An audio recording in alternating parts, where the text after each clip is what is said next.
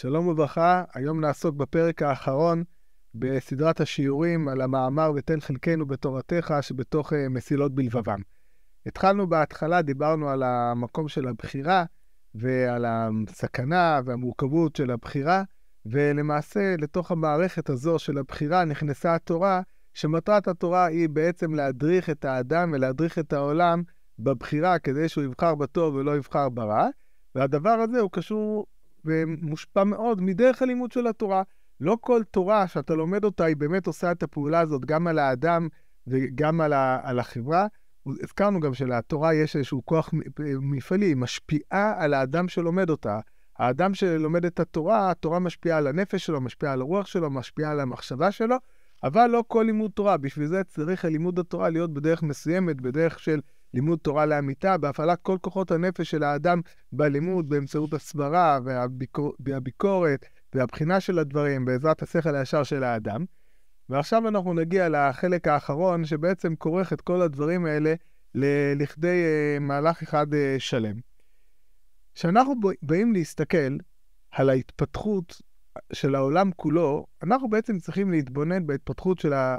של האדם הפרטי. ישנם שלבים שונים בהתפתחות של האדם הפרטי. אי אפשר לדמות את הדרישות, את התביעות ואת דרך הלימוד והחינוך של תינוק קטן לדרך הלימוד והחינוך שאנחנו פועלים עם אדם גדול, וגם המוטיבציות שיש לתינוק ולילד קטן ביחס לכל מה שהוא עושה, אינן דומות למוטיבציות ולמה שמניע אדם בוגר בדברים שהוא עושה אותם. הדברים האלה באים לידי ביטוי גם בלימוד וגם בהרבה מאוד דברים אה, נוספים. הרמב"ם בהלכות תשובה אומר לנו הרמב"ם, כשמלמדים את הקטנים, אין מלמדים אותם אלא לעבוד מהירה וכדי לקבל שכר. כן, יש שלב ראשון, שבשלב הזה אנחנו מלמדים את התינוק א', מתוך יראה, ואחרי זה כדי לקבל שכר. והרמב"ם ממשיך במש... בהדגמה הידועה שלו, נער קטון ובעל מלמד ללמדו תורה וכולי, ויאמר לו, למד ואתן לך אגוזים או תאנים. וילמד וישתדל לא לעצם הלימוד, לפי שהוא לא ידע לו ערך, אלא כדי להשיג אותו המאכל. וכאשר יגדל ויתחזק שכלו, ויקל בעיניו אותו הדבר שהיה מחשיבו מקודם, ויחזור להחשיב זולתו, יעוררו שוב חשקו באותו הדבר יותר חשוב אצלו. בקיצור, הרמב"ם מלמד אותנו שלא צריך להיבהל מהעובדה שאנחנו לוקחים ילד קטן, ואנחנו מלמדים אותו בלימוד תורה שלא לשמה. למה הוא לומד תורה? הוא לומד תורה כדי לקבל איזשהו ממתק. הוא מגיע לתפילה, הוא משתוקק להגיע לתפילה, כי ראש הישיבה מחלק סוכריות בתפילה.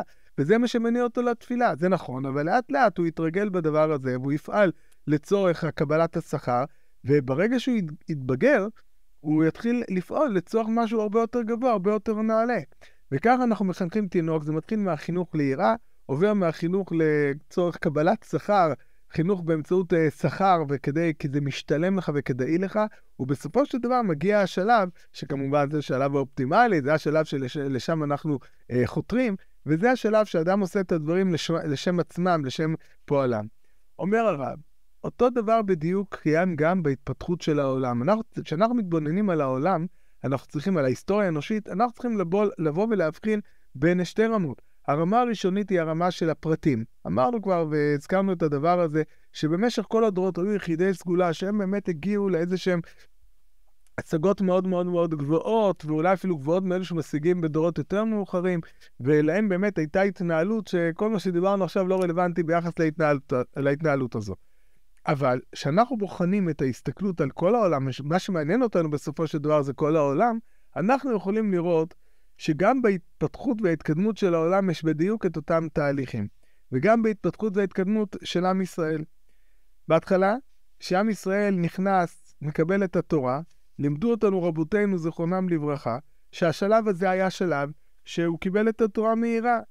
אומרים רבותינו, זיכרונם לברכה, בגמרא במסכת שבת, והתייצבו בתחתית ההר, אמר בבדימי בר חמא בר חסא, מלמד שכפה הקדוש ברוך הוא עליהם את ההר כגיגית, ואמר להם, אם אתם מקבלים את התורה מוטב, ואם לאו, שם תהא קבועתכם. למרות שהאדם הוא בעל הבחירה, ולמרות שאנחנו מצפים שאדם יקיים את התורה ואת המצוות מתוך בחירה חופשית, מתוך רצון, אנחנו רואים ששלב נתינת התורה לעם ישראל, השלב הראשון של נתינת התורה לעם ישראל, היה נתינה בכפייה, והתייצבו בתחתית ההר. המהר"ל מפראג, לא נאריך בזה כרגע, המהר"ל מפראג בתפארת ישראל מסביר להעריך את ההכרח שהדבר הזה יהיה בצורה הזאת. ועל כך אומרת ממשיכה הגמרא, ועל כך ממשיכה אה, הגמרא, שאמר באח בר יעקב, מכאן נודע רבה לאורייתא. מודע זה, זה, זה כלי הלכתי שיש לנו. כשאדם רוצה לעשות מעשה והוא נעשה עליו בכפייה, ואדם בעצם אומר, קודם אני עושה את הדבר הזה מכפייה. פירושו של דבר שאין ערך למעשה ולכל מיני קבלות והתחייבויות שאדם מקבל על עצמו מתוך, מתוך כפייה. אז אומר לנו רבח בר יעקב, שמכאן נודע רבה לאורייתא, שלמעשה כל התקופה הזאת היה פה איזושהי קבלת תורה מתוך כפייה, וקבלת התורה מתוך כפייה היא לא מבטאת בעצם, היא גם לא מחייבת מצד עצמו, וזה היה השלב הראשון של אה, לימוד התורה. שלב שבו לא היה רצון שלם, אולי היה כמה רצונות, בכל זאת עם ישראל אמרו נעשה ונשמע, אבל במהות הדברים, והתעצמו בתחתית תר מלמד שכפה עליהם הר כגיגית. נתינת התורה הייתה לעם ישראל בכפייה. השלב הזה נמשך קרוב לאלף שנה, עד שאנחנו מגיעים לסיפור של מגילת אסתר, לסיפור של היהודים בשושן, ושם מתחיל השלב השני. השלב השני, וזה הגמרא ממשיכה, אמר רבא, אף על פי כן הדור קיבלוה בימי אחשורוש. דכתיב, קיימו וקיבלו היהודים, קיימו מה שקיבלו כבר. אז אנחנו רואים שבזמן ימי אחשורוש מגיע השלב השני. למה עם ישראל עכשיו מקבל את התורה, הדור קיבלו בימי אחשורוש? כי רבים מהארץ מתייעדים, כי נפל פחד היהודים, היהודים עליהם. פתאום להיות יהודי זה דבר שהוא נחשב, ופתאום מבינים את הערך ואת החשיבות, וכמה טוב להם להיות אה, יהודים. השלב הזה, זהו השלב השני. אה, הדבר הזה הוא כבר לא קבלה מתוך, אה, הרי בסופו של דבר זה הגיע בגלל אה, המן, גזירות המן וכל הדברים הללו. זה לא נעשה מתוך אונס, זה נעשה מתוך רצון, אבל מתוך רצון שמה שעומד מאחוריו זה המקבילה שלו, זה העניין של קבלת השכר. כדאי, רבים משרי המדינות מנסים את היהודים, כמו שאמרנו, זה טוב להיות יהודי, זה כדאי להיות יהודי, ובתקופה הזו, שבתקופה שכבר אין בעבודה זרה, ולאט לאט התורה מתחילה להיות דבר, התורה וקיום המצוות מתחיל להיות משהו שהוא נתפס ברוב הזמנים משהו שהוא כדאי. בתקופה הזאת גם מתפתח מאוד עניין השכר והעונש, העניין של עולם הזה ועולם הבא, כל מיני מושגים כאלה, שבאמת אומרים לך, כדאי לך להיות יהודי, זה משתלם להיות יהודי, אם לא בעולם הזה, אז לפחות בעולם הבא.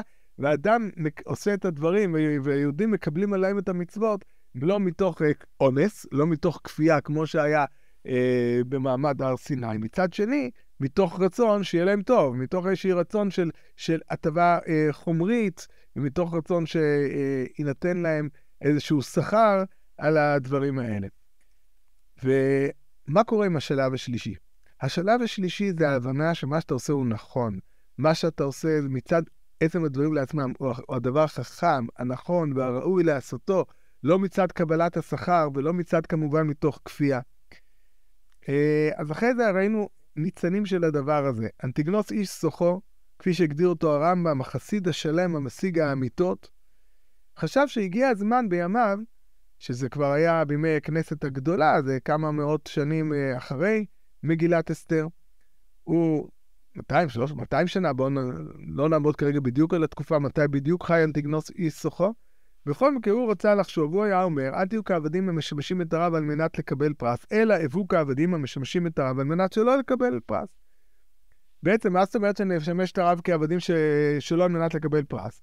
שיעשו את הדברים מצד אמיתתם, מצד זה שנכון, ראוי וטוב לעשות את הדברים האלה. והוא חשב שהגיע באמת השלב שבו אנחנו מגענו לשלב הזה, והגיע הזמן לעבור את המקפצה, את המדרגה השלישית, לקפוץ למדרגה של עשיית הדברים במדרגה השלישית מתוך אמיתתם, אלא שעדיין זה לא התאים, ובאמת יצאו ממנו שני תלמידים שעיוותו את דברי רבם, כמו שמסביר הרמב"ם בפירוש המשנה לאבות, עמדו ופרשו מן התורה ונפרצו מהם שתי פרצות, צדוקים ויתוסין. הם חשבו באמת, מה הגישות הללו חשבו? זה גרם להם, העניין של עבדו את הרב על מנת שלא יקבל פרס, זה גרם לכפור בעצם קיומו של שכר ועונש ועולם הבא ועוד כל מיני דברים מעין אלו שהם קיימים, והדבר הזה הוביל לא לתיקון, אלא אה, לחורבן. אבל לאט לאט הדברים הולכים ומתקדמים, והעולם הולך ומתקדם מבחינה רוחנית, מבחינה מחשבתית, ועכשיו אנחנו מגיעים לשלב, אה, לשלב הזה. ואומר לנו הרב, שבעצם זה השלב שבו אנחנו נמצאים אה, כיום. השלב שבו אנחנו נמצאים כיום זה השלב שבו עניין הבחירה החופשית, חירות הפרט, מושג חירות הפרט, העניין שכל אדם יש לו את הזכות ואת הרשות ואולי גם את החובה ואת האתגר לעשות את, לפעול באופן חופשי, ללא כפיות וללא מגבלות, הדבר הזה הוא אחד הדברים שמאוד מאוד התפתח בתרבות המערבית, נקרא לזה ככה, התפתח מאוד בדורות האחרונים. והדבר הזה, אומר לנו הרב, הדבר הזה זה בדיוק החתירה לשלב השלישי. בסופו של דבר, הדבר הזה, ההכרה, הדבר הזה נובע מתוך ההכרה שלכל אדם יש זכות לבחור, והיא גם חובה לבחור. שהייעוד שלנו, שאנחנו בסופו של דבר נפעל בלי לפגוע אחד בשני בבחירה חופשית שתעשה רק רק טוב בעולם, ותפעל ונפעל בדרך הנכונה והטובה, זה מה שעומד בבסיס של כל עניין של חירות, אה, חירות הפרט. בשביל זה אתה צריך כמובן להבין את העוצמה שיש לך לבחירה. רק מי שמודע לעוצמת כוח בחירתו יכול לפעול מרצון חופשי אה, לגמרי. ואומר לנו הרב, דורנו מתקרב לתור הבגרות של העם. בגיל זה סולד את נפשו של האדם מכל דבר הכפוי עליו. ואין לך ערובה טובה מזו לכך שאדם עומד על סף התקופה הגדולה שבה הופיע צלם אלוה שבו בכל זוהרו. וזה בעצם מה שאנחנו עכשיו אה, עומדים בפניו. אנחנו דיברנו על זה שיסוד הדברים זה הבחירה החופשית. הבחירה החופשית, שאדם יעשה את הטוב, אדם יבחר בטוב. התורה אמורה לעזור לו לבחור בטוב. האדם צריך להכיר, אנחנו צריכים להגיע לזה שאנחנו נוכל להציג את התורה, בצורה הזאת נוכל להציג את ערכי התורה, ואת עולם התורה, ואת כל הדברים האלה, כדי שכולם יבינו שעשיית תורה היא בעצם הדרך שתאפשר להם לפעול בצורה הטובה, הראויה והנכונה. זה האידיאל של העולם. העולם הגיע כבר למדרגה שיש לו איזושהי דרישה, יש לו תביעה לעולם של רצון חופשי. והרצון החופשי הוא לא סותר את התורה, אלא נהפוך הוא. הרצון החופשי, הרצון שאני אעשה מה שאני רוצה, הוא הבסיס של התורה. רק בשביל זה אנחנו צריכים כמובן שאדם יגיע גם להכרות הנכונות ולה, ולהשכלות הנכונות וההבנות שהדרך שמציעה לנו היא דרך התורה, היא בעצם הדרך ש... גור... היא, היא דרך נכונה, היא דרך ראויה, היא דרך שהופכת את העולם להיות עולם טוב יותר, ראוי יותר, מוסרי יותר וחשוב יותר. וזה האתגר המשמעותי שעומד בפני לומדי התורה. אנחנו צריכים להבין שאנחנו לא יכולים לפעול על כל מיני כפיות וכופין על המצוות ועוד כל מיני מושגים שהיו נכונים לדורות מסוימים, שזה מה שאפיין את הדורות האלה, שהדורות האלה, האנשים פעלו בהיבטים רבים בתוך החיים שהם פעלו מתוך כפייה. היום העולם, העולם הולך ומתקדם לכיוון עולם של רצון, של בחירה חופשית, ואנחנו צריכים להעצים את הדבר הזה. אנחנו צריכים לבוא ולתת ולהבליט ולהדגיש את הבחירה החופשית שקיימת לאדם, עם כל המוגבלות של הבחירה הזאת, עם כל ההכרה שקיימת להיות לאדם שהרצון שלו לא תמיד זה רצון, לפעמים הרבה מאוד פעמים הוא חושב שהוא עושה מה שהוא רוצה, אבל הוא נמצא, נמצא בתוך, הוא כפוי מתוך היצרים שלו, אה, כופין אותו לעשות כל מיני דברים. וברגע שאנחנו נגיע, נחנך לדברים האלה, נגיע לשלב הזה שבאמת האדם יפעל באמצעות השכל שלו, השכל הישר שלו, והתורה מדריכה אותו לפעול בדרך הזו, אז האדם לאט לאט יכיר שכל מה שהתורה מציעה, כל מה שהתורה ורבותינו זכרונם לברכה מציעים בפנינו, אה, הם בעצם מביאים למשהו אה, יותר גבוה ועליון. אנחנו צריכים להראות להם שכל, כמו שאומר הרלב"ג, הרב מביא פה את דברי הרלב"ג, הנה תורתנו תיוחד משאר התורות והנימוסים שהיו לשאר האומות, כי תורתנו אין בדבר לא יגזרהו היושר והבינה. כן, תורתנו אין בדבר לא יגזרהו היושר והבינה. ולזה היה הנימוס האלוהי מושך אנשים מצד עצמותו אל שהתנהגו בו. כן, עצם הדברים הללו הם דברים מושכלים, דברים ישרים, וזה הדברים שאמורים להוביל את האדם אה, לעשות אותם באופן אה, חופשי. גם הרמב"ם פה בהערה מוזכרים אה, דברים של הרמב"ם במאמורי נבוכים, במאמר ג', שהוא מדבר על זה שהרעות הגדולות האלה המתרחשות בין אדם לאדם ואיש לרעהו, הן כולן מתחייבות מן הבורות. כלומר, מהיעדר ידיעה. כמו שעיוור מכיוון שאינו רואה, תמיד ייכשל וייפצע ויפצע גם את זולתו, מפני שאין עמו מי שידריכו באמת, כן כיתות בני אדם.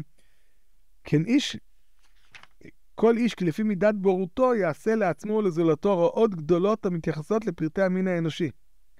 אילו הייתה האדם ידיעה מתייחסת לצורה האנושית כמו שכוח הראייה מתייחס לעין, היה נבלם כל הנזק שהוא גורם לעצמו ולזולתו.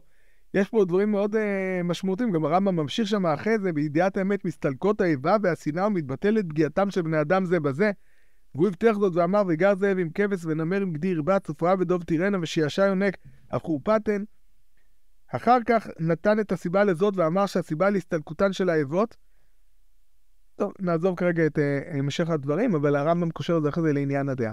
אז אם כן, הדבר הזה, זה בעצם האתגר הגדול שעומד בפנינו. כמו שאמרנו, יסוד הכל נתון בעניין של הבחירה. הבחירה החופשית זה המפתח המרכזי, וכמו שהרב הדגיש איזה כמה וכמה פעמים אה, בתוך הדברים שלו, אין משמעות. קיום המצוות יש לו איך רק אם הוא נובע מרצונו החופשי של האדם. אין לנו ערך, זה דברים שלא נעשים מרצונו החופשי של האדם. יש להם ערך, נכון, ערך קטן אבל, הייעוד, התכלית, השאיפה היא שאדם יעשה את כל הדברים, את כל התורה ואת המצוות ואת כל ההתנהלות שלו בעולם מתוך רצון חופשי, אבל הבחירה שלו תהיה בחירה בטוב מצד היותו טוב. בחירה שהיא, כמו שאמרנו, היא מאוד מאוד מסוכנת. הוא חייב לפתח את חוכמת כוח הבחירה שלו באמצעות, אה, באמצעות התורה, ועל ידי לימוד התורה באמת האדם קונה לעצמו את הכלים לדברים האלה, והן מצד עצם הלימוד, הן מצד התכנים של התורה, והדברים שהתורה מכוונת ומנתבת את האדם ואת העולם אליהם. בשביל זה אדם צריך ללמוד בצורה מאוד מאוד אה, עמוקה ורצינית, להפעיל את השכל שלו, לברר את הדברים, ובדבקות ובהתמדה, אה, מתוך בירור באמצעות אה, השכל שלו, לנתב אותם, להבין את הדברים ולבחור בהם ולהחליט בהם ולהכריע בהם בצורה, באמצעות כל כוחות הנפש שלו. ואז האדם וגם העולם מגיעים לשלב שפה הם פועלים את כל הדברים האלה, הם פועלים מתוך הבחירה והרצון. בסופו של דבר, האתגר, כמו שאמרנו בפנינו, שהגענו עכשיו לדור שבו יש את התביעה הזו, התביעה לעשיית הדברים מתוך אה, בחירה חופשית, מתוך רצון, האתגר הוא מאוד מאוד גדול. הן בלימוד התורה לשמה, הן בלימוד התורה והן בהעברת התורה בצורה שהיא תהיה מושכלת, מובנת, ישרה, בצורה שהיא מעצימה את ה, אה, כל הערכים האלוקיים, הנעלים, שהם הדרך שבהם העולם מתנהל בצורה הכי טובה, שלא לא בצורה מיסטית. הוא מתנהל בצורה כזאת שכמו שאמרנו, אין, אף אחד לא מזיק אחד לשני, וכל העולם פועל אך ורק במגמה חיובית, וזה בעצם האתגר הגדול שעומד הן בפני האדם הפרטי, הן בפני אה, לומדי התורה, והן בפני כל העולם כולו. להגיע למצב שכל העולם יהיה עולם של אה, חירות, עולם של בחירה חופשית, שבו כל אחד ואחד מבאי עולם, אה, הן ברמת הפרט והן ברמת הכלל, בוחר בטוב מצד היותו טוב, ובצורה הזאת אנחנו מגיעים למציאות של אה, מה שמותר כימות המשיח, שבה וגר זאב עם כבש, ונמר עם גדיר בץ, שישע יונק החורפתן, כל המציאות הזאת שמתארת את זה שעכשיו שום דבר פה לא פוגע, הכל מתנהל בצורה מופלאה, זהו האתגר ויסודו, כמו שאמרנו, באדם, בלימוד התורה, ובהעברת הדברים הללו לכל הסביבה שבה אנחנו נמצאים. ויהי רצון שנזכה באמת אה, להגיע לימים כאלו, ושהיא בעצם מציאות ימות המשיח, שכולנו כל כך חותרים אליה.